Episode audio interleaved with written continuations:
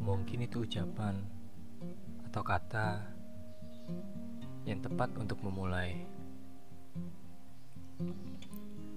Satu kata yang mudah diungkapkan, tapi tidak semua orang bisa lakukan.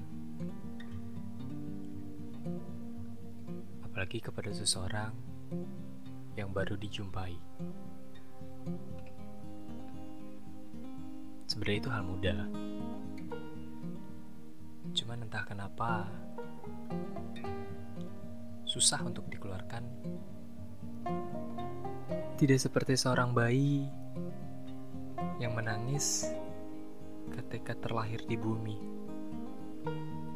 Di mana suara tangisnya sangatlah disambut rasa bahagia.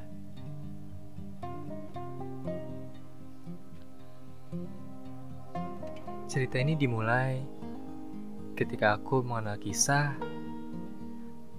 atau mungkin memahami cerita hidup. Berlebihan. Mungkin iya.